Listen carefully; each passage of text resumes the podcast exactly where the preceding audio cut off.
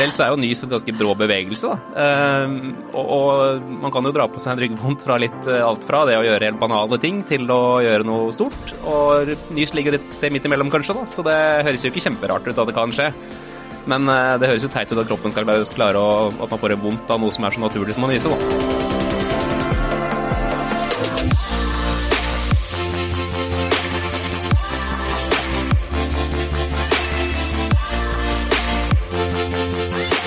Jeg er så heldig å ha med meg tights.no på laget, som gir meg muligheten til å faktisk kunne lage denne podkasten, og det er jeg så utrolig glad for.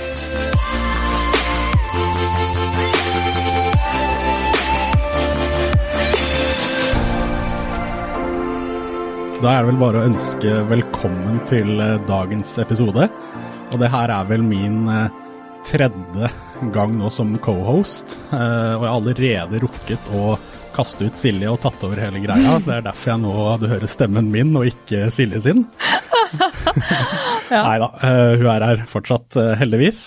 Um, og i tillegg til da å ha Silje her, så har vi fått med oss Benjamin Christensen. Velkommen. Tusen hjertelig takk. Fint at du kunne ta deg tid til å være med i dag, det setter vi pris på. Uh, I dag så skal vi jo touche litt innom ja, smerte, rehab eh, og behandling generelt. Eh, og sånn til å starte med, så tenker jeg kanskje du kan fortelle oss litt om deg og din bakgrunn. Ja, det er jo fint å starte med. Eh, jeg heter Benjamin Christensen og er en utdannet naprapat fra Naprapathøgskolen i Stockholm. Og så har jeg en bachelor i trening, helse og prestasjon fra Idrettshøgskolen. I tillegg så er jeg, skal jeg forfatter, som har skrevet tre bøker sammen med en kompis og kollega som heter Martin Norum sist som het Sterkere i 2017, så det begynner å bli noen år siden. Eh, jeg er også fagansvarlig i AFPT, som er Norges største PT-skole. Og jeg er også foreleser der på både PT-kurset og rehab trainer-kurset, som er et kurs som omhandler litt det vi snakker om på podkasten i dag. Eh, I tillegg så jobber jeg som personlig trener, og jobber også som naprapat. Eh, og har også en egen podkast som heter Sterkere, som er litt sånn fag, fagnerdepodkast om treningsting. Ja. Veldig fin podkast. Så hyggelig. Den, den vil jeg anbefale.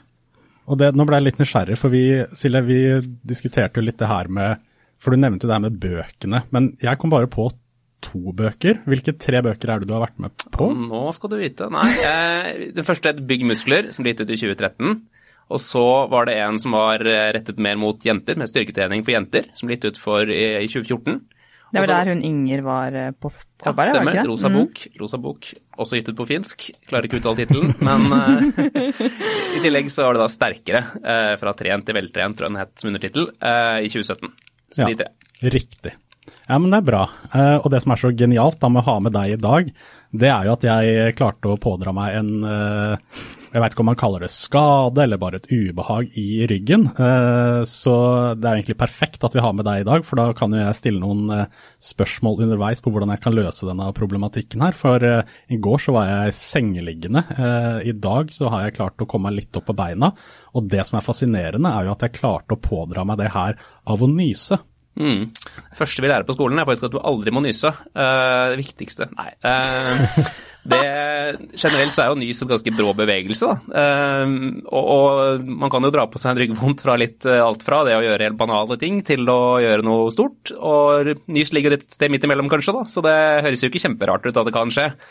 Men uh, det høres jo teit ut at kroppen skal klare, å, at man får en vondt av noe som er så naturlig som å nyse, da. Det, ja, det er nettopp det, og så lurer jeg på, for man skal jo nyse i albuekroken liksom nå, så mm. da må man jo vri seg litt til siden, ikke sant, som mm. regel.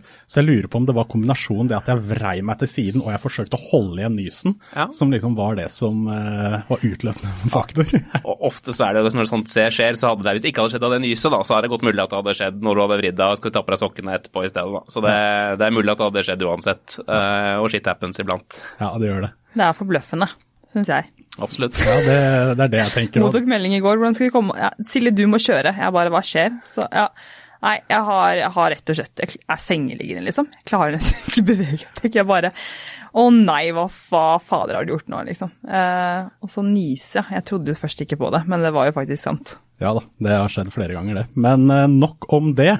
Eh, det jeg tenker vi kan snakke litt om, og det som jeg syns er litt interessant, det er jo eh, det her med smerte og ulike former for smertemodeller. For slik jeg har tolket det, så kan man vel si at det fins noen eldre smertemodeller, og kanskje noen som er litt mer moderne, hvis man skal kunne si det sånn. Mm. og jeg har jo ikke så mye kompetanse på dette, så her er egentlig scenen din. Ja, og dette er jo ikke noe jeg har noen doktorgrad i akkurat, men det er noe jeg har jobbet med i mange år, med både uh, individer som har vondt, og det for å prøve å selv forstå litt med hva, hva er smerte, og hvordan kan det at jeg blir mer kunnskapsrik om det, hvordan kan det hjelpe de jeg møter bedre, på en bedre måte. Og du nevner modeller, og, og, modeller er jo en måte vi mennesker prøver å beskrive virkeligheten vår på. Og skape en modell for å forstå virkeligheten, og prøve å skape en modell for å forstå hva smerte er. Og de modellene vil jo kanskje aldri være 100% en representasjon av virkeligheten, men det er i hvert fall en smart, en smart måte å tenke på med tanke på den, den, opplevelsen som smerte er. da. Og de litt eldre modellene så var det jo typisk eh, veldig fokus på at det var struktur, noe som har gått i stykker i kroppen. Tenk liksom som en bil, at det er en aksling som har gått i stykker, og du, den må repareres og gros. Og det er, er, det vondt, så er det noe som er ødelagt, og da må det fikses. Og veldig fokus på liksom, hvis noe er skadet, så må det hviles og ikke brukes. Og hvis det ikke funker, så må det opereres og fikses. En typisk veldig sånn biomedisinsk eller biomekanisk modell, da. Ja. Som er de litt eldre modellene, som man hovedsakelig hadde kun fokus på hva som var galt i kroppen. Eh, og egentlig veldig fokus på kroppen som en bil, mer enn kroppen som en, en organisme og at mennesket på en måte er, faktisk er en organisme som har en evne til å regenerere seg selv og hente seg inn. Um, og de litt mer moderne modellene tar jo da hensyn til at mennesket er en, en, organisme som faktisk kan hele seg selv, i tillegg til at det tar med aspekten av at mennesket er ikke en bil. Mennesket er en, et levende organisme som i tillegg også har et, et følelsesliv. Det har en Eh, et oppfattelse av seg selv. De har en eh, som også er veldig formbart av hva de oppfatter fra andre, hva andre sier til dem, hva en lege har sagt til dem. Dine tanker, tanker og følelser om egen kropp, som er veldig dynamisk og påvirkbar av eh, både egne tanker og andres meninger. I tillegg så har du da også miljøet rundt deg, de sosiale faktorene som på en måte arbeidsplass og familie og støtte og alle de andre tingene som vi mennesker lever i. Og det har ikke en bil i det hele tatt. Og det å da ta med liksom de biologiske faktorene, som da er f.eks. kroppen og hvordan vevet på innsiden ser ut, og hvordan blodprøvene våre er, hvordan inflammasjonsnivåene er i kroppen, de biologiske tingene de er med i modellen, i tillegg til de psykologiske faktorene og de sosiale faktorene, som er da den moderne modellen som man kaller den biopsykososiale modellen. Som er da den kanskje den nyeste modellen for å prøve å forstå helse og også smerte. Prøve å forstå kroppen som en eh, kropp, altså forstå plager gjennom det å forstå mennesket, ikke bare en bil. Riktig. Så den gamle modellen går mer ut på å bare se på mennesker som enten da en bil, da, men at vi er nesten roboter og maskiner, eh, mens den nye, la oss kalle den nye smertemodellen, går, eller tar da hensyn til andre utenforliggende faktorer også, i tillegg da, til det som skjer eller har skjedd inni kroppen? Ja, eller? og, og land, land, kalles det en mer helhetlig modell, å se helheten. Nå er det et begrep som jeg syns er blitt litt stjålet av litt deler av alternativbransjen, der det å se helheten handler om å gjøre masse sprø greier. Men det handler om å prøve å forstå at menneskekroppen er et, det er et menneske som har vondt i skulderen, og det med hva det mennesket tenker og føler øh, om den skulderen sin, og hva andre forteller dem og, og, hvordan de har det, hvordan de sover, hva de spiser. Alle disse faktorene kan påvirke smertetilstanden deres. Det betyr ikke at du har vondt i skulderen fordi du sover dårlig nødvendigvis, men, men hvordan den skulderen har det, og hvor raskt den blir bra, og hvor vondt det gjør, kan absolutt påvirkes av f.eks. søvn, eller det hvor, hvor, bekymret du er for at skulderen eh, er ødelagt, f.eks. Ja, riktig. Og der, eh, vi kan jo, siden det er jeg har jo ernæringsbakgrunn, da, men når jeg hører på deg nå, eh, så tenker jeg at hvis man prøver å trekke en litt parallell til det, da, så veit jeg ikke om det blir riktig å si at uh, hvis man f.eks. skal ned i vekt, da, så veit jo alle på en måte det her med kalorier inn og ut, da det er på en måte det viktige. Men det er jo alle disse faktorene som ligger rundt, som da vil kunne påvirke uh, hvor lett eller vanskelig det er å, å oppnå en vektreduksjon. Da. For det er ikke bare det å gjennomføre et kalorioverskudd eller underskudd, men hvorvidt det er lett eller vanskelig, avhenger jo av faktorene også som ligger utenfor. Da. Det kan jo være alt av genetikk til uh, arv og miljø og hele den biten der. Og det er det jeg føler kanskje at den la oss kalle det nye smertemodellen også tar hensyn til da, at vi tar, eh, tar for oss de utenforliggende faktorene i tillegg. Ta det helhetlige bildet i betraktning, på en måte. Ja. Ja, og jeg syns ernæringsbransjen er også blitt flinkere til å skjønne det. At jeg anerkjenner at overvekt er jo et komplekst fenomen der det er veldig mange faktorer som spiller inn. Ja. Det er personen og deres tanker og følelser, og det sosiale miljøet rundt personen er jo knallviktig der også. Så der syns jeg det er en, en del likhetstrekk. Og hvis du faller og brekker lårbeinet ditt, så er det selvfølgelig at det at lårbeinet er brukket, er jo sannsynligvis en viktig faktor i den smerteopplevelsen du eventuelt får. Men, men det å faktisk eh, få hjelp og bli undersøkt, bli betrygget av legen, bli, få det fikset, og legen sier dette blir bra, kontra det at legen sier at dette her blir aldri bra, men dette her kommer til å, gå, kommer til å følge deg resten av livet.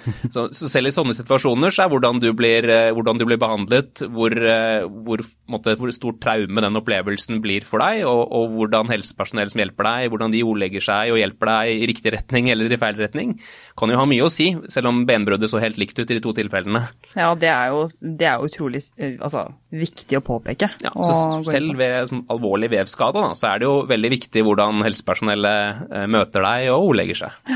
Og der, eh, det du nevnte der, det, det syns jeg er litt interessant. For du nevnte jo det her med at har du et brudd i lårbeinet, så er jo sannsynligheten ganske stor for at det er eh, holdt på å si, en årsak til smertene du opplever.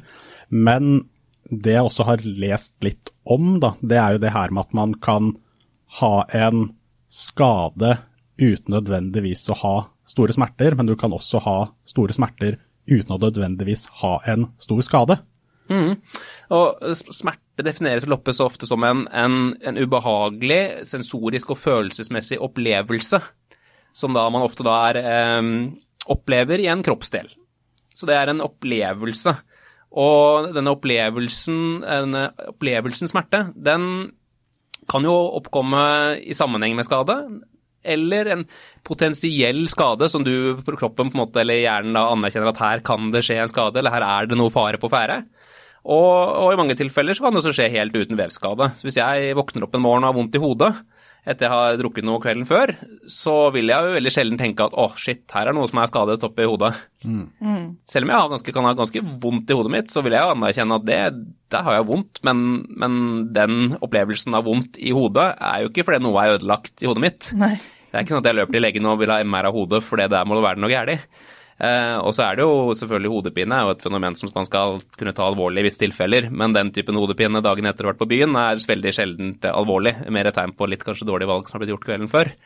Så eh, smerte er jo da en opplevelse, mens skade er jo da faktisk en, en, en negativ vevsendring som har skjedd. En, en, ofte i form av at eh, belastningen på et vev, enten akutt der og da eller over tid, har overgått hvor mye det eh, vevet tåler.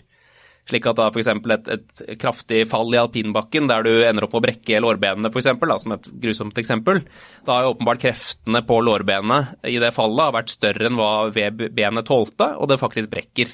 Da har du fått en vevsskade.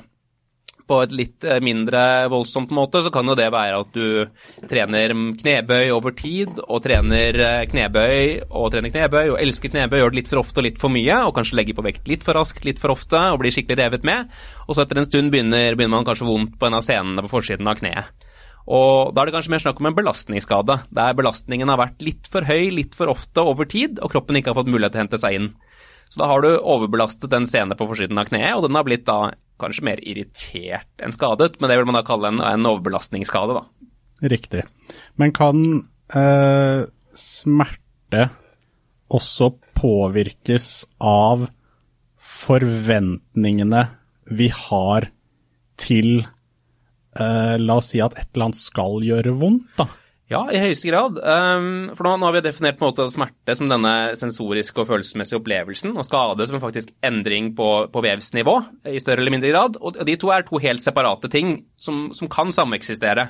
Og mellom der så har du på en måte et menneske som erfarer disse tingene. Og menneskets eh, tidligere erfaringer ved det å ha vondt, det å skade seg, det og den menneskets forventninger til hva som skal skje, som da påvirkes av både de tidligere erfaringene og kanskje faktorer rundt eh, eh, som skjer der og da. Hvor, hvis du tryner og det står ti personer og ser på som bare 'Hjelp!' og du ser de liksom ser de er kjemperedde og bekymret, så vil jo det påvirke din egen forventning til hva som har skjedd. Hvor vondt skal dette gjøre? Det er vel det samme som skjer også i forhold til eh, barn, føler jeg, veldig ofte. At de, de ser jo etter bekreftelse, og hvis de ser blod, så er jo det tydeligvis forbundet med smerte. Ja, og foreldre som ser sånn Ja, ja, som ser som ser kjempe- kjemperedde ja, ja. ut, vil jo sannsynligvis uh, ny større respons enn hvis foreldre sier, smiler og sier 'dette går fint, dette så bra, vi? Mm. blåser litt på det'. Um, så, så forventningene er jo en av de faktorene som vurderer hvorvidt noe kan gjøre vondt eller ikke. Og, og veldig enkelt så kan man jo si at uh, um, når, uh, når hjernen oppfatter at det er en trussel mot en viss kroppsdel, så er smerte en av, en av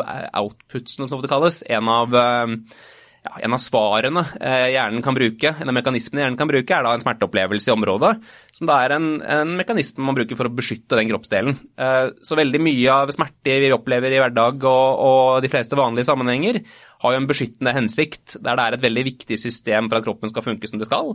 Der eh, man skal beskytte seg, beskytte kroppen mot skade, rett og slett. Så hvis, jeg, hvis du får vondt på et gnagsår, og det gjør vondt, så er jo det beskyttelsesmekanisme for at du ikke skal gnage på den skadede huden. Hvis jeg eh, kjenner at det er varmt på et lys og tar bort hånden, så er det også en smerteopplevelse for å beskytte hånden. Så smertesystemet er jo i bunn og grunn et viktig beskyttelsessystem for å passe på oss. Men dessverre så, så kan det jo blant være litt overbeskyttende. Det merker man jo iblant hvis slår lilletåa i en kant, at der kan det gjøre ekstremt vondt, selv om det går helt fint fem minutter etterpå. Så åpenbart var jo det en, en kanskje litt overdrevet beskyttelsesrespons. Og ved vevskade så er jo det å oppleve smerte i området er jo en mekanisme kan, kroppen kan bruke for å forsøke å gradere aktiviteten. At du skal bruke det litt mindre i starten, og så gradvis bruke det mer og mer. Og for de fleste av oss så funker jo det bra i de fleste tilfeller. Der gradvis smerten avtar etter hvert som vevskaden leges og ting blir bra igjen. Så for hver vondt som blir problematisk og langvarig hos noen av oss, så er det ofte 1000 vondter som har gått bort.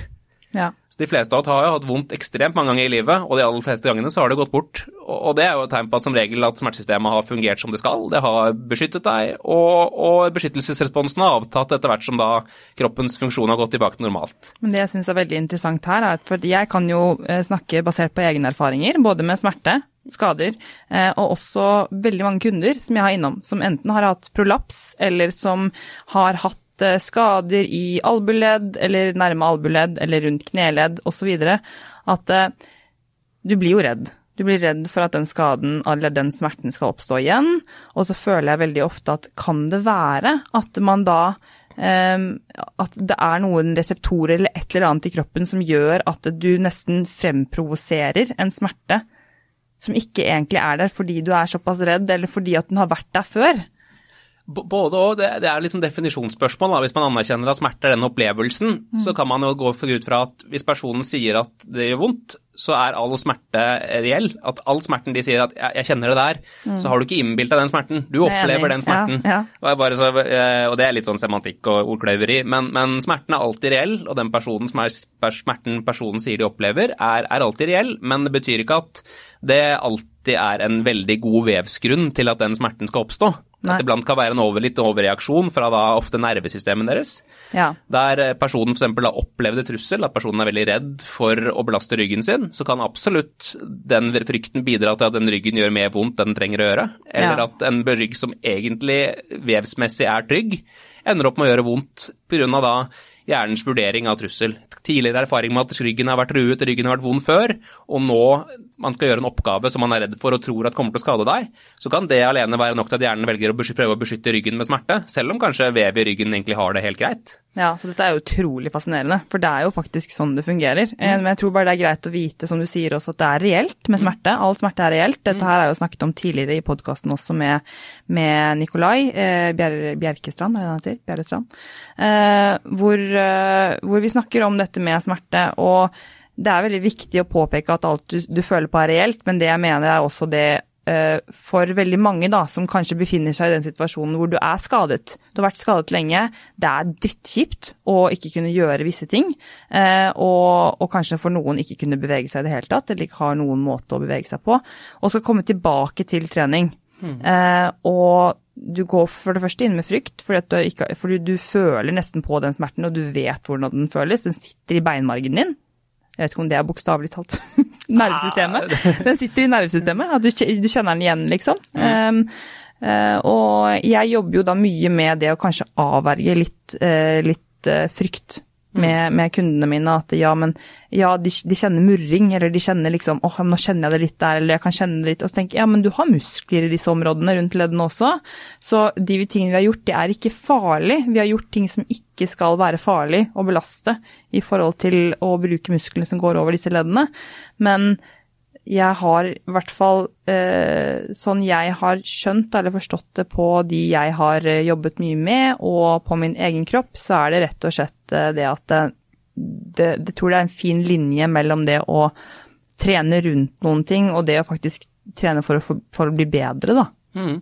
Og det er ganske vanskelig å, å, å, Siden smerte er liksom den opplevelsen personen opplever, mm. og den er alltid reell, så er det veldig vanskelig å gradere hvor mye her er frykt, hvor mye er faktisk ja. eh, vev som eh, ikke ikke bør belastes så mye. Nettopp, nettopp. Og noen tilfeller kan det være slik at det er veldig mye frykt på et, på et, vev som funker kjempebra, og bare det å redusere frykten kan i løpet av bare én til to samtaler nesten, så kan personen bli veldig mye bedre. Mm. Det det jeg kan møte personer som er kjemperedd for ryggen sin. Vi snakker sammen, de, jeg undersøker dem og viser at ryggen er jo faktisk trygg, se hvor sterk du er her. Og, og så bygger man opp selvtilliten deres og viser dem at du kan løfte, og, så, og plutselig da klarer å forklare det og konseptualisere det på en måte slik at frykten reduseres, så kan noen plutselig ha en veldig økt funksjon uten at du har økt noe muskelstørrelse eller styrke. Så en kjempeendring.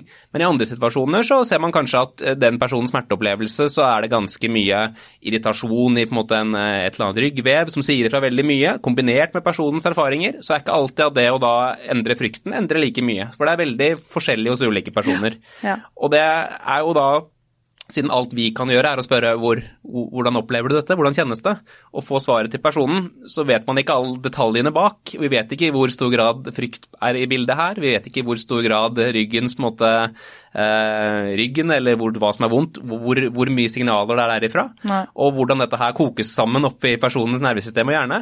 Eh, det er veldig vanskelig å vite detaljene der. og det å starte rolig og innenfor personens kapasitet og bygge opp trygghet over tid, det vil ofte være en viktig grunnstein, men det funker ikke for alle. Det, det er noe som funker for mange. Ja. Men hadde vi sett at det funket for alle, så tror jeg vi hadde vært kvitt mye av eh, smerteproblematikken i samfunnet for en god stund siden. Og mm. det, det, har vi dessverre ikke, for rundt én av tre nordmenn har langvarige smerter. Siste måneden så rapporterer 70% av nordmenn å ha et vondt i muskel- og skjelettapparatet. Ja. Det er et enormt helseproblem og en stor helseutfordring nasjonalt, og ikke minst internasjonalt. Og det, det, virker ikke å gå veldig riktig retning. Og så er det nok veldig mange faktorer som spiller inn der, og, og samfunnsfaktorer som, som inaktivitet, altså mer, mer stillesitting, eh, dårligere måte, allmenn helse eh, når det gjelder da f.eks. Eh, overvekstproblematikk, psykisk helse, søvnproblematikk. Alle disse faktorene som, som samfunnet vårt ja, sliter litt med, med tanke på hvordan vi kanskje har bygget opp samfunnet vårt i dag. De, eh, og veldig mange andre tilleggsfaktorer gjør jo da at smerte, og langvarig smerte spesielt, er et veldig utbredt problem. Og det virker som at fysisk aktivitet og trening er en av de bedre tiltakene vi har for å kunne redusere dette, ja. og at mange kan ha nytte av det. Men vi skal være så ærlige å si at når man undersøker dette, så er det ikke alle som får hjelp av det. Det er ikke Nei. alle som blir bra bare man trener. Og det for de som da kanskje har prøvd og, og gjort sitt beste forsøk med trening og aktivitet og ikke blitt bedre.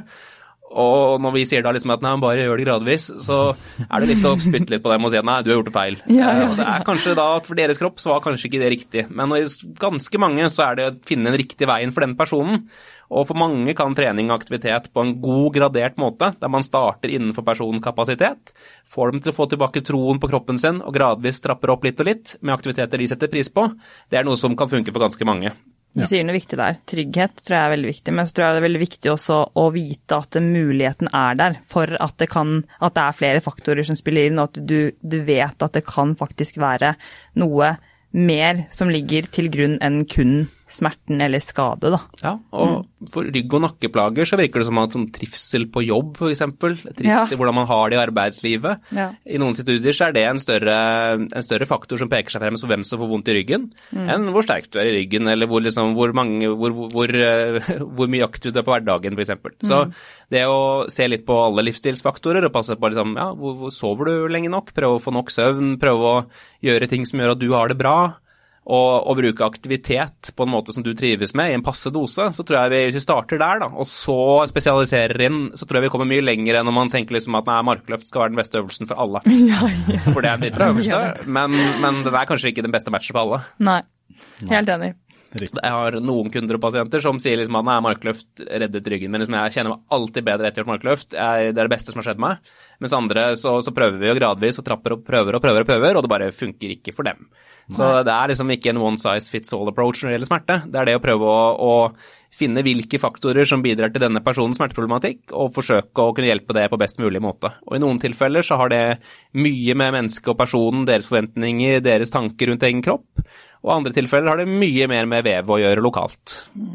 Og det er ikke noe fasitsvar, dessverre. Jeg skulle gjerne ønske at det var det, men det Ja, men det er jo det som er med trening, helse, kosthold, det som måtte være, så er det jo liksom aldri noe fasitsvar. Da. Det er jo så komplekst. Um, men det jeg også lurer litt på, da, siden jeg nå har deg her, og siden jeg har uh, litt vondt i min rygg, så er det jo litt sånn uh, En ting som jeg føler har blitt kanskje litt uh, populært, da, det er jo Så veit ikke om det er positivt eller negativt, men det er jo det her med MR, bruk av det. hvis man har vondt i ryggen, så føler jeg liksom at mange Uh, tyr til MR ganske raskt, og det er liksom noe man må benytte seg av for å uh, få bekrefta eventuelt hva som er feil, og for da kan man liksom legge en plan da, på hva man skal gjøre videre. Så jeg som har vondt i ryggen min nå, da, er det noe du ville anbefalt meg å At jeg ringer inn etterpå og prøver å få henvisning til MR, liksom, for å få se hva som eventuelt er galt med ryggen min, eller ville du droppa det? Jeg vil jo helt starte med at MR er jo liksom en medisinsk bildeteknologi som eh, legen har ansvar for. Eh, så jeg er jo ikke helsepersonell, eh, vi som naprapater. Vi skal kanskje bli det etter hvert, men i hvert fall ikke kommer alltid til å få noe ansvar for MR-maskinen. Så jeg vil jo si, først kan jeg si at jeg ville snakket med legen min, for det er det jeg lovmessig må si. Og så kan man jo si at en MR er jo et, et, en ekstremt avansert selfie, der du bruker en avansert magnet, magnetteknologi for å kunne se på vevsnivå, spesielt mykdeler. Uh, for å se hvordan kroppen ser ut inni. Veldig enkelt. Så det er en veldig avansert selfie der du får se deg selv inni. Og som en medisinsk teknologi så er MR en helt fantastisk maskin som bidrar ufattelig mye til å kunne hjelpe folk å finne sykdom. og Det er kanskje en av de, en veldig viktig medisinsk verktøy. Men når det gjelder muskel- og skjelettplager der legen ikke mistenker at det er noe alvorlig som ligger bak, for i noen veldig få tilfeller så kan det være alvorlige ting som er årsak til muskel- og skjelettplager, men når legen ikke mistenker det, så ser man at for de fleste vanlige muskel- så vil ikke MR-bildet tilføre veldig mye. Um, så det er de fleste nasjonale, måte, normale nasjonale retningslinjene internasjonalt da, for uh, det ryggvondt som man ikke mistenker alvorlig sykdom bak, så, så, tar man ikke det bildet. Fordi man ser at den informasjonen det bildet tilfører, det gir ikke noe særlig nyttig informasjon til hva man skal gjøre og ikke gjøre. Og i mange tilfeller så er det å få vite hva som skjer på innsiden av kroppen, det kan ofte gjøre at vi blir, blir mer redd. For det de aller fleste, altså alle sånn fra, helt fra ungdomsårene, så begynner kroppen å få litt rynker på innsiden, som man kaller det. Som da er hvordan eh, virvlene våre, skivene våre, leddbåndene endrer seg gjennom aldringsprosessen, og de ser annerledes ut. De får litt bulker og ut, utposninger her og der, og, og, ser ikke lenger så perfekte ut som vi har lyst til at de skal liksom se ut. Og det skjer hos de aller fleste av oss. og Tar man ut 100 mennesker som har vondt i ryggen, så ser man at ganske mange av de har skivebokninger, noen har prolaps, noen har fortrengninger og forandringer som man tidligere tenkte at det kommer til å gjøre vondt, det. Og så ser man hos helt smertefrie personer. Og så skal det anerkjennes at man ser at en del av disse forandringene er litt mer vanlige hos de som har vondt. Så det er ikke slik at det er helt random. Men, men man kan ikke bare se på et bilde og si at du har vondt alene ville, Hvis du bare tok ut liksom 100 MR-bilder, og så skulle en lege si om har denne personen vondt eller ikke, så kunne de nok på de kanskje tydeligste tilfellene så ville de nok som regel hatt rett, men på mange av de litt mer eh, sånn middels så ville det nok kunne vært en flippe coin om det personen hadde vondt eller ikke. Så, så MR-bildet gir oss ikke alle svar, men en dyktig lege vil jo da gjøre dette på en smart måte, der de ikke vil sende deg til MR-bilde, med mindre de har en veldig god grunn. Og de vil i så fall være flinke til å forklare og sette disse bildefunnene i kontekst og si at dette er normalt, dette er normalt, ikke noe farlig, og ikke bare gi personen bildebeskrivelsen i hånden der de får masse latinske ord som høres kjempeskumle ut, og så setter du det verste du kan gjøre noensinne med MR-bildesvar. Gå på Google og søk opp hva dette er, for det har aldri gjort noen mindre redd i hele verden. Det er oppskriften for å bli mer redd for sin egen rygg. Så, alle gjør det likevel. Alle gjør det likevel. Så, og da, som vi sa i sted, denne, eh, hvis smerte på en måte kan anses litt enkelt som en slags uh, vurdering av trusselbildet, da, hjernens vurdering av trusselbildet, er den, den viktigste mekanismen som ligger bak hva som gjør vondt og ikke, så vil jo det å lese noe som gjør deg mye mer redd for ryggen din, vil jo kunne påvirke hjernens vurdering av trussel. På samme måte som at en, en dyktig lege for eksempel, som kanskje snakker med deg, hører historien din, undersøker deg, gir deg informasjonen du trenger og gir deg god hjelp, de vil jo kanskje gjøre at du føler deg mer trygg. Så kanskje man går ut av rommet og føler seg som å, nå er det ikke bedre allerede. Uten at noe ble gjort en gang. Og nå bruker jeg rygg som eksempel, kunne like godt vært en skulder. Men det å liksom endre din egen oppfattelse om et skadet område, eller et, et vondt område, det er noe som kan være ganske mye verdt. Og i en del sammenhenger så føler jeg at hva jeg sier, gjør, og hvordan jeg kommuniserer med en pasient jeg møter, det er eh, iblant viktigere enn eh, eventuelle øvelser eller trykk eller massasjegrep eller knekkegrep man eventuelt gjør, som kan være sånn tilleggslig smertelindrende tiltak. Men jeg opplever at undersøkelse og god kommunikasjon og kjemi med personen, at jeg faktisk har De sitter igjen med en følelse at de er kanskje mer trygge på egen kropp når de går ut av rommet. De har kanskje fått noen verktøy for hva de skal gjøre med, for å få mindre vondt, og de har kanskje fått et lite, forutsigbarhet med hva som kommer til å skje fremover. Er dette noe som kommer til å vare noen uker før det blir bedre, eller kommer det til å bli glad ganske raskt? At man har da disse tre grunnsteinene her, da, en måte trygghet, forutsigbarhet, og du vet hva du skal gjøre og kanskje ikke gjøre så mye av. Ja, riktig. Og her føler jeg på en måte du er inne på en litt viktig, et, en viktig del. Eh, og det er jo det her med, som du nevnte nå, eh, hvordan man kommuniserer med om man kaller det pasient, eller hva enn man, eh, hva enn man velger å kalle det. Eh, for det jeg vil diskutere litt, det er jo det her med kanskje det jeg vil kalle en behandlingsetikk. Da. En god og dårlig behandlingsetikk, hva nå enn det skal bety. Men det jeg tror jeg legger i det, er jo eh, hvorvidt man Man har jo lest eller hørt eksempler på folk som blir uh, pusha pakker på mange, mange timer, og uh, at man må komme tilbake ofte for å få på en måte det best behandling da, for å komme seg tilbake, versus da en behandler som kanskje ønsker mer genuint å hjelpe vedkommende, da, og ikke pushe disse timene, og faktisk se på er det her et individ som kun trenger å høre at jeg sier disse ordene, og så klarer han seg selv, eller krever det her faktisk litt mer, la oss kalle det faktisk behandling, da. Så jeg veit ikke hva dine tanker er rundt det, uten at man nødvendigvis skal snakke ned om enkelte behandlere eller bedrifter, eller forsøke å fremme seg selv på en måte, men litt sånn objektivt, da, hva du tenker om det?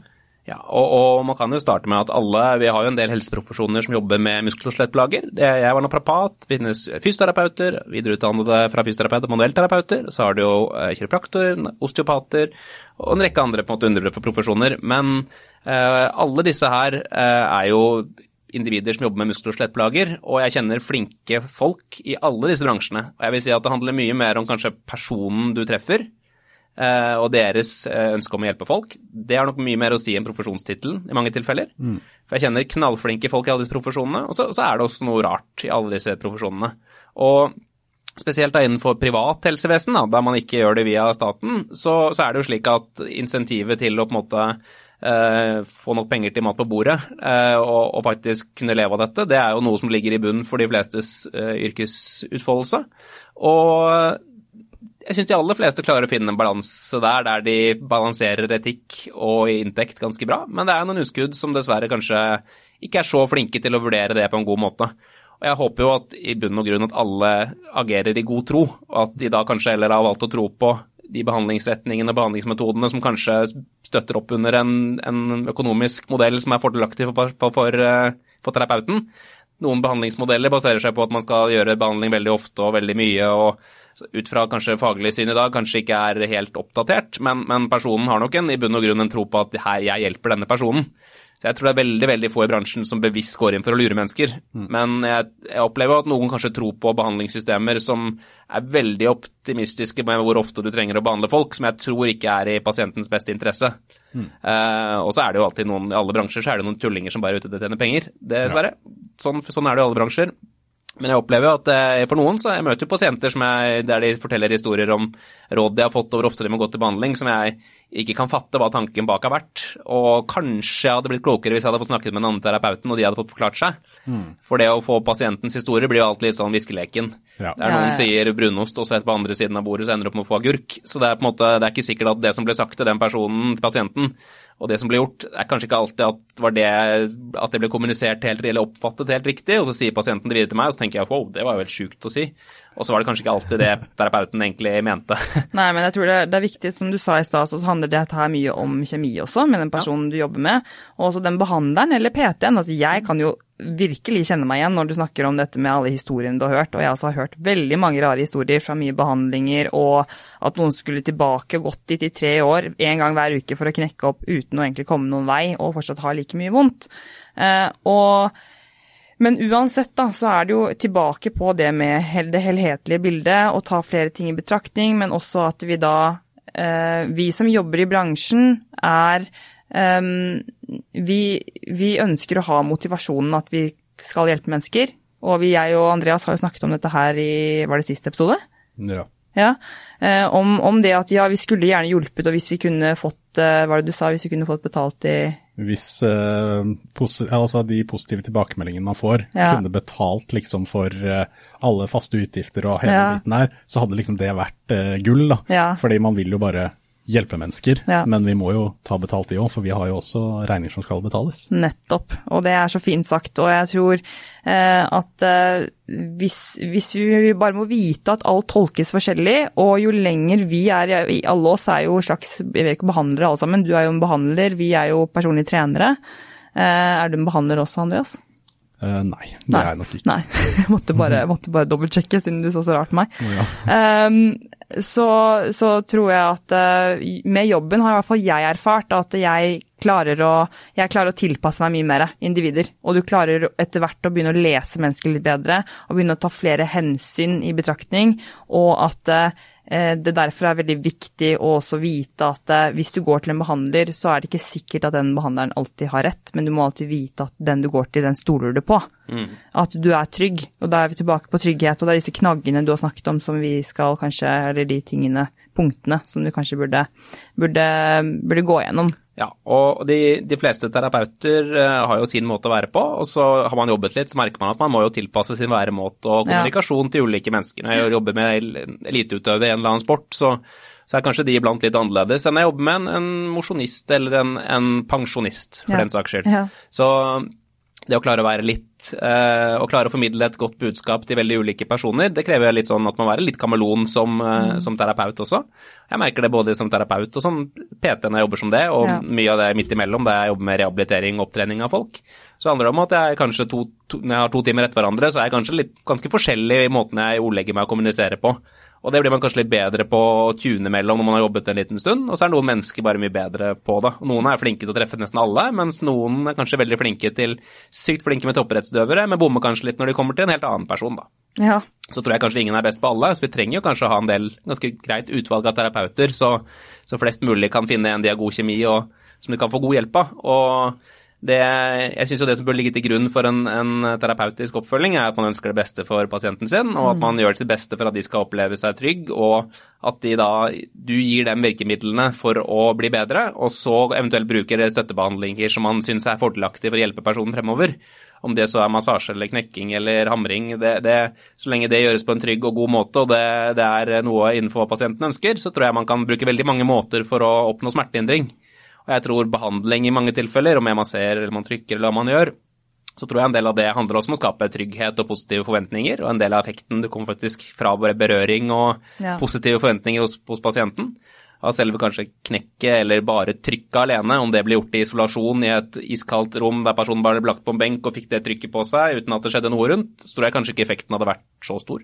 Nei, nei. For å være helt ærlig. Nei. Men i konteksten av en behandling der du får bli undersøkt og får hjelp og du får svar og betryggelse og informasjon, eventuelle øvelser du kan gjøre selv og hva du skal gjøre utenom, så, så kan det være et tiltak som kan brukes for å lindre smerte selv om det ikke er mitt største fokusområde personlig. Det kan det kanskje være verdt å nevne. det må jeg bare vært, altså, I og med at det er disse historiene hvor det er folk som har gått i mange år eller mange måneder eller hva det skulle være, til en behandler hvor de kanskje ikke har merket noe fremgang, men det sier jo kanskje da litt om den behandleren, da, eller den terapeuten eller den, eh, den som har jobbet, at det er kanskje fordi at de rett og slett bare liker den kontakten med den personen, og at de har en veldig god kjemi. Og selvfølgelig så ønsker vi jo at eh, begge deler, at vi ønsker hele pakka. Vi ønsker at vi kan bli bedre, og vi ønsker en god kjemi. Men det, det viser bare hvor mye det har å si at eh, du, du som person også trenger å trenger å anlegge deg visse egenskaper som, eh, som eh, terapeut, som du er, eh, Benjamin. Ja, og I noen tilfeller så er jo det å, å anerkjenne at dette forløpet, behandlingsforløpet har ikke gitt resultatet vi ønsker. Vi, vi henviser seg kanskje videre til en, en annen som er flink, Ja. eller på en måte gir den andre videre råd for hva man kan gjøre, istedenfor å fortsette på en måte år ut og år inn med det samme som ikke kanskje helt har funka. Men igjen, man, om personen har et vedvarende problem som har vart i mange år, og de, de får en litt kortvarig smertelindring og opplever at dette her er så lenge ting er forklart hva som skjer og hva som ikke skjer, forklart på en ærlig og ordentlig måte, og personen opplever at dette her jeg blir ikke, jeg blir ikke på en måte varig kjempemye bedre, men jeg opplever dette som et nyttig tiltak i mitt liv, så skal man anerkjenne at noen ønsker jo det. Og Ja, det, ja. det er ikke slik at det nødvendigvis er feil. Nei, det er helt fint, det. det Eh, Selv om det er ikke noe jeg personlig Det er ikke en måte jeg jobber veldig mye på, men Nei. man skal anerkjenne at det er ikke feil av den grunn. Nei, nei det, det pleier jeg også å si til eh, de kundene jeg har snakket med. At det, ja, men hvis, det, hvis du liker det, så er det veldig fint, men du vet at det er andre måter, og du, det finnes flere behandlere, og det finnes noen andre også som kan eh, se på det. Mm. Nei, men det er, eh, det er bra. Um, og vi toucha jo litt, bare for å gå litt tilbake før vi går fremover igjen, eh, så toucha vi innom det her med MR, og eh, kan vel konkludere egentlig med at eh, det sannsynligvis ikke er noe jeg eh, personlig trenger å gjøre, siden det sannsynligvis uansett ikke er noe alvorlig med ryggen min.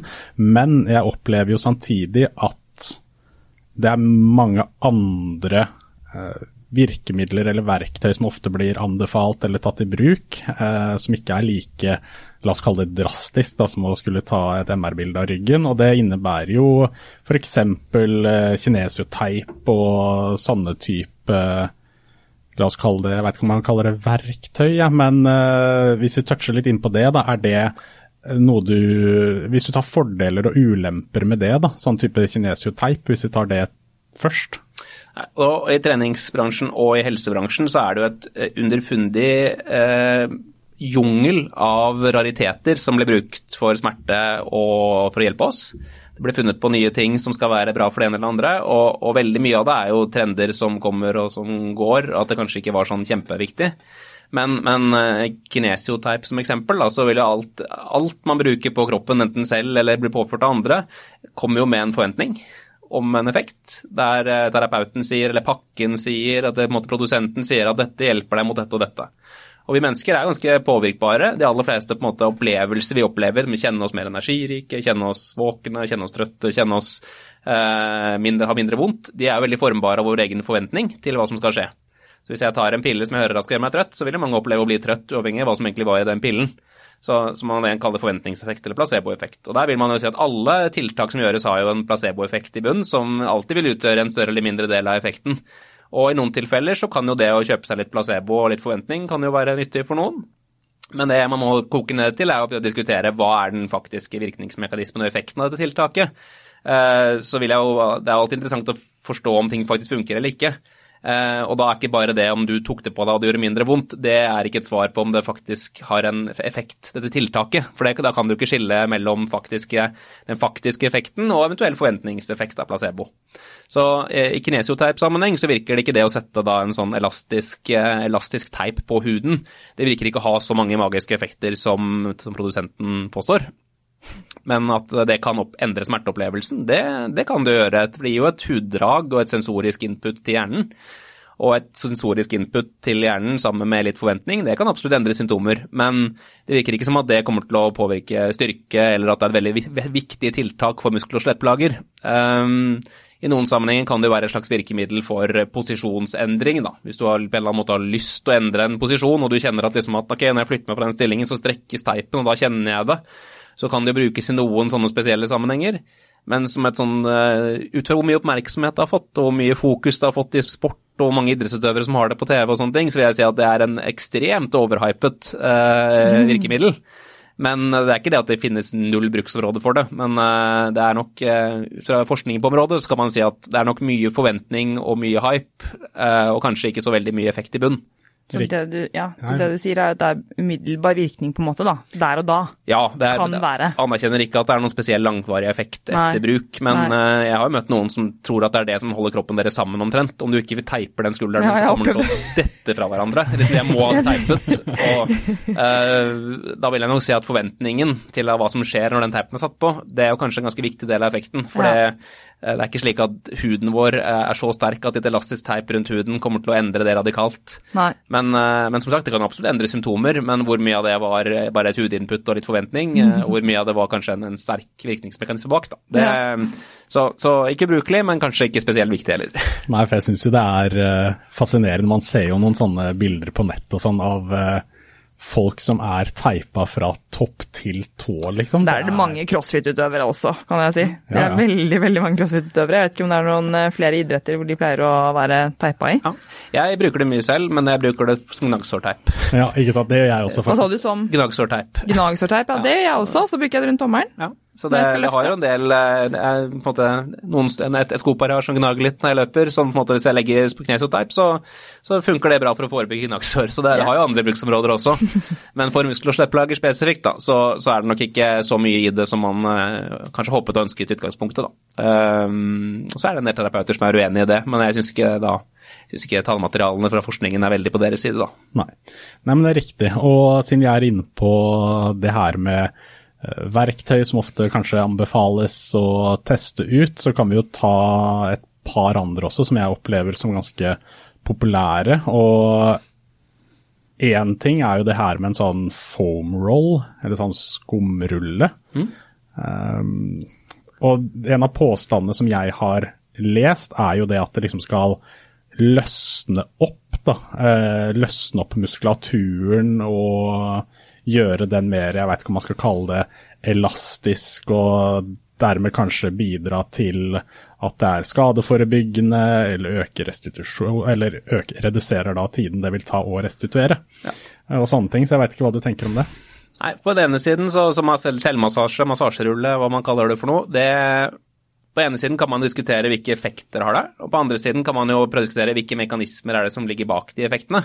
For gamle hypotesen om man starter på det siste, da, at gamle hypotesen om at man rullet hardt på kroppen, så på en måte dyttet man, dro man opp innevevet med den rullen og liksom myknet opp muskelen, de, de viser seg nok å ikke holde helt vann, for det kroppen vår er såpass holdfast og sterk at det å skulle endre på bindevevet inni kroppen, eller muskelen inni kroppen, om man kunne gjort det med trykk utenifra, så, så hadde de strukturene ikke tålt hvordan de faktisk ble brukt i virkeligheten. For når du hopper og spretter og rører deg, så overfører jo disse musklene og bindevevene 100 kilo med kraft.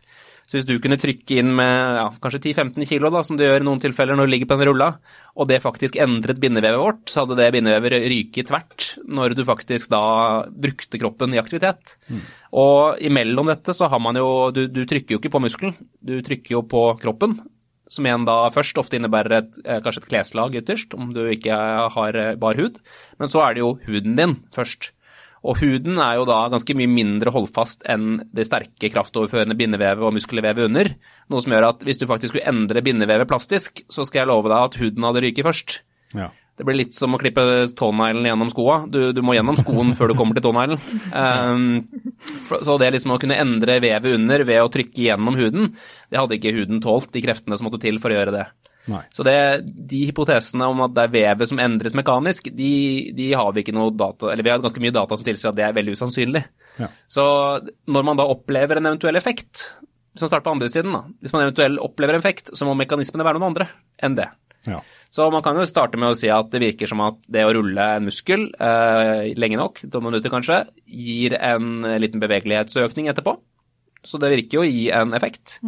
Um, I mange tilfeller så er det å gjøre et sånn godt vondt stimuli noen minutter, det kan i noen tilfeller gi en smertelindring. Det handler kanskje litt om forventning og litt om det å ha et kraftig sånn godt vondt sensorisk berøringsinput. Det virker å kunne gi en smertelindring hos en del.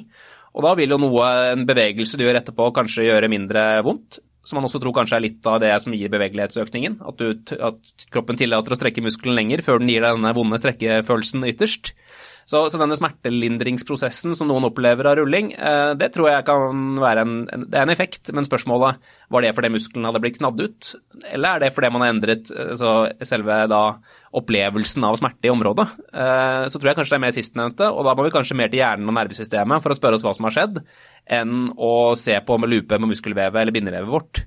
Så, så, per i dag syns jeg kanskje at mekanismen handler mer om at rullen eller ballen eller hva du gnir deg på, den strekker og drar i masse sensorer som sitter i huden, i bindevevet og kanskje helt ned i muskelen. Og når de sensorene blir dratt i, så sender de masse signaler inn til hjernen, som ut ifra den konteksten du da forventer at dette her skal kjennes bra ut, dette kommer til å gjøre meg bedre, så vil mange kunne kjenne seg bedre etterpå. Jeg tror hvis du, hvis du ble lagt ut i, hvis du ble fanget i jungelen i Vietnam under Vietnamkrigen og ble lagt på liksom torturbord, og så dro de en sånn rulle over låret ditt, kjempehardt og kjempevondt, så tror jeg kanskje ikke du hadde reist deg opp og kjent det som å, oh, shit, kjenner meg litt mer myk, kjennes litt bedre ut etterpå.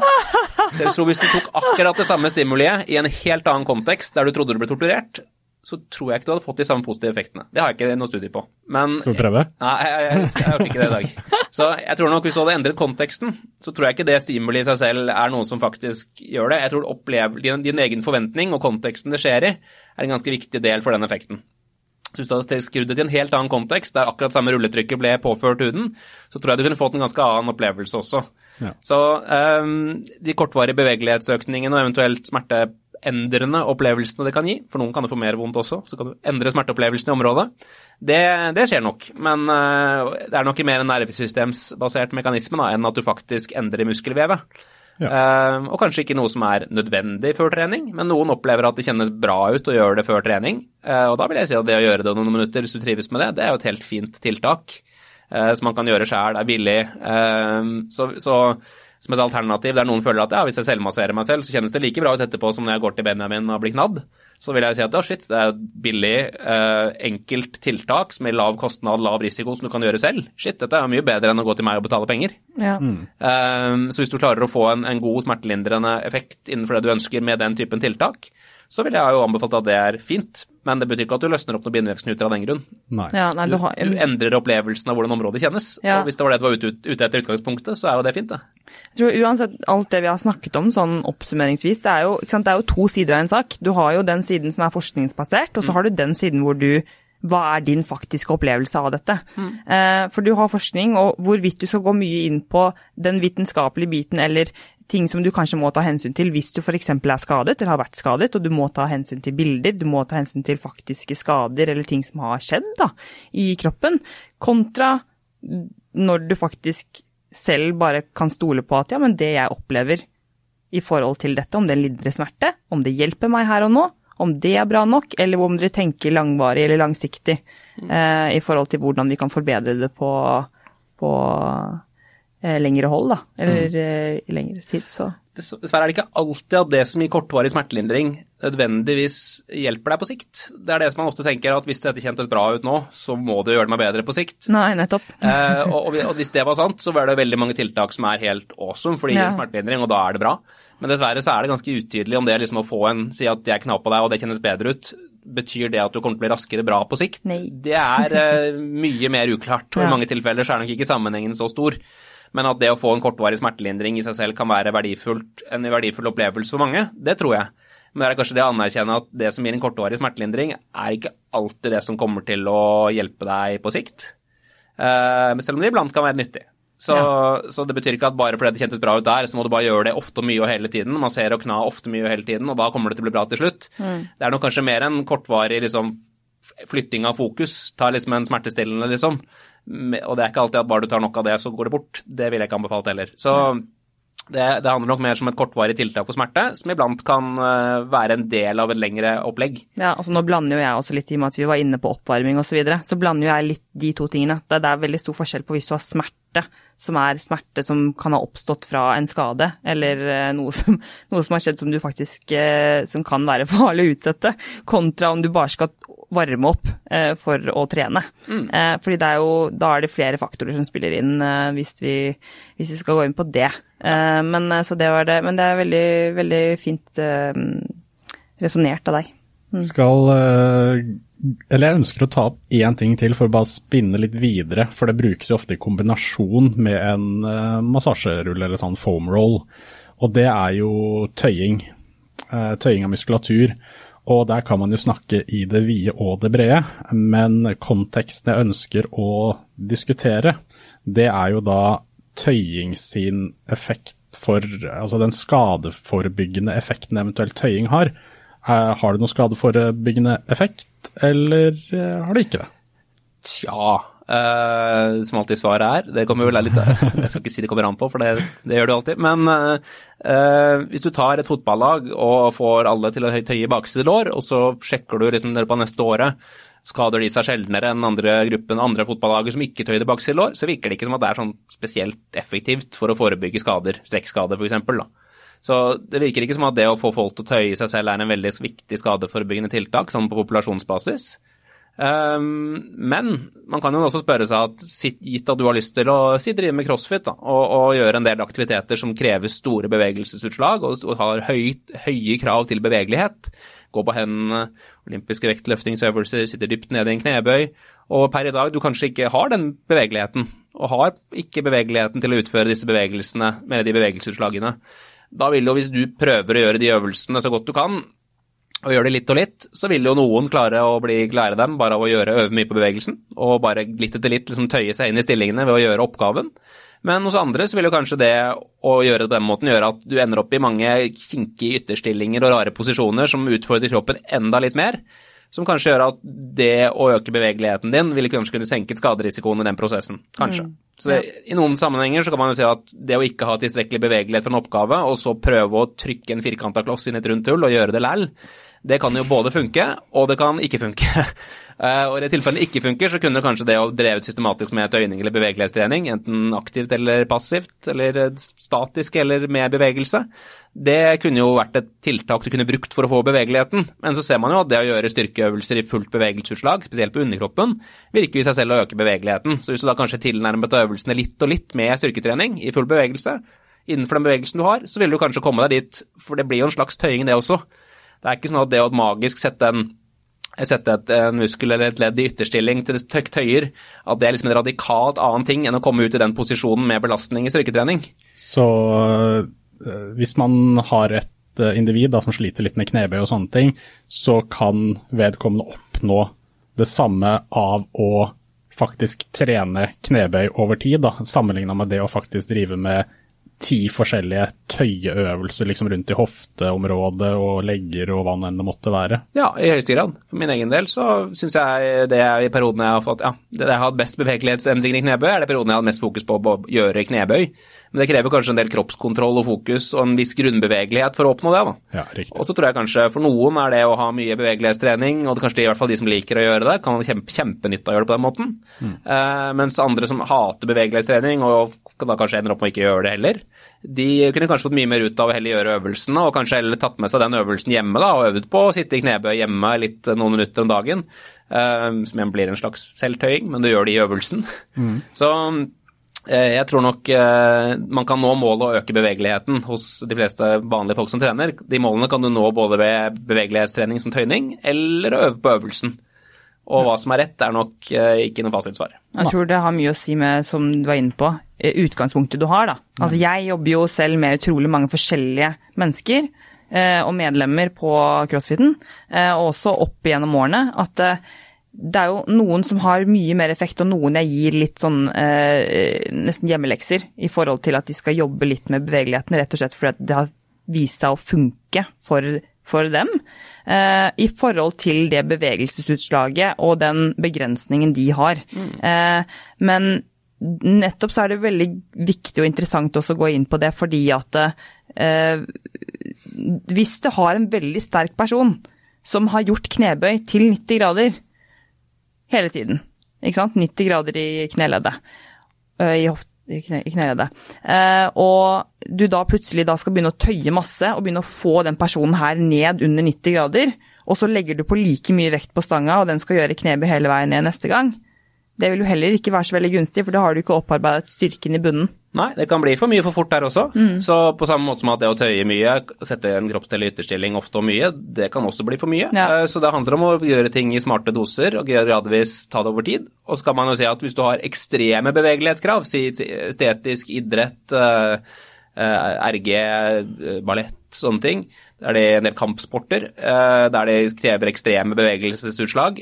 Der tror jeg kanskje at det å faktisk drive med spesifikk bevegelighetstrening, som de ofte idrettene har veldig stort kultur for også, jeg tror kanskje det er nødvendig for å nå de ekstreme bevegelsesutslagene. Og ganske store mengder av den typen stretching da, over tid. Ja. Mange år, som regel. Um, det er nødvendig for å nå de bevegelsesutslagene. Og så må man også legge til grunn at vi mennesker har jo forskjellige grunnlag for bevegelsesutslag.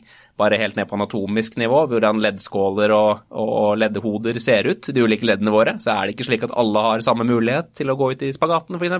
Mm. Og så ser man jo genetisk hvordan vi responderer på bevegelighetstrening og hvor stive vi er. Det det er jo en genetisk komponent der også, i tillegg til hva vi har brukt kroppen vår til gjennom livet. Mm. Så eh, noen vil nok svare mye bedre på bevegelighetstrening, og andre vil svare dårligere. Og andre er kanskje i ytterstilling av hva leddet sitt tillater. Og at man kanskje, skal man komme lenger ned, så må man bruke andre områder istedenfor Kanskje man ikke kommer dypere ned i hofta. At man må prøve å få ut bevegelsesutslag andre steder, da, man absolutt skal gå lenger ned. Mm.